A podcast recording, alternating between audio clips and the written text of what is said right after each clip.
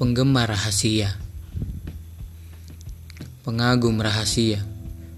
Pada dasarnya, tak ingin identitasnya diketahui.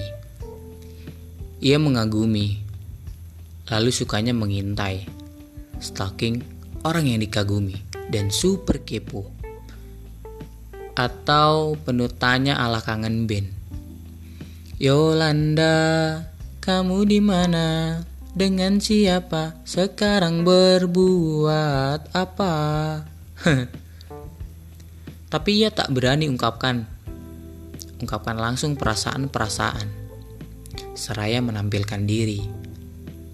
Dia bukan pengecut.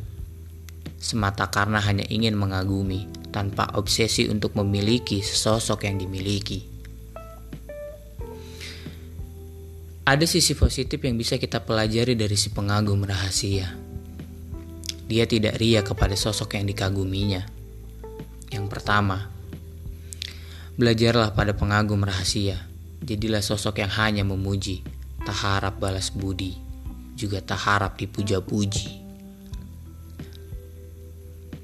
Yang kedua, daripada semata jadi pengagum rahasia kepada sesama insan Jadilah pengagum rahasia Tuhan, karena Dialah yang paling sanggup menolong kita. Disebabkan tangan-tangan kasihnya jauh lebih besar dari semua masalahmu. Dan yang terakhir, biarlah ibadahmu menjadi rahasiamu, sebagaimana kamu merahasiakan dosa-dosamu. Terima kasih.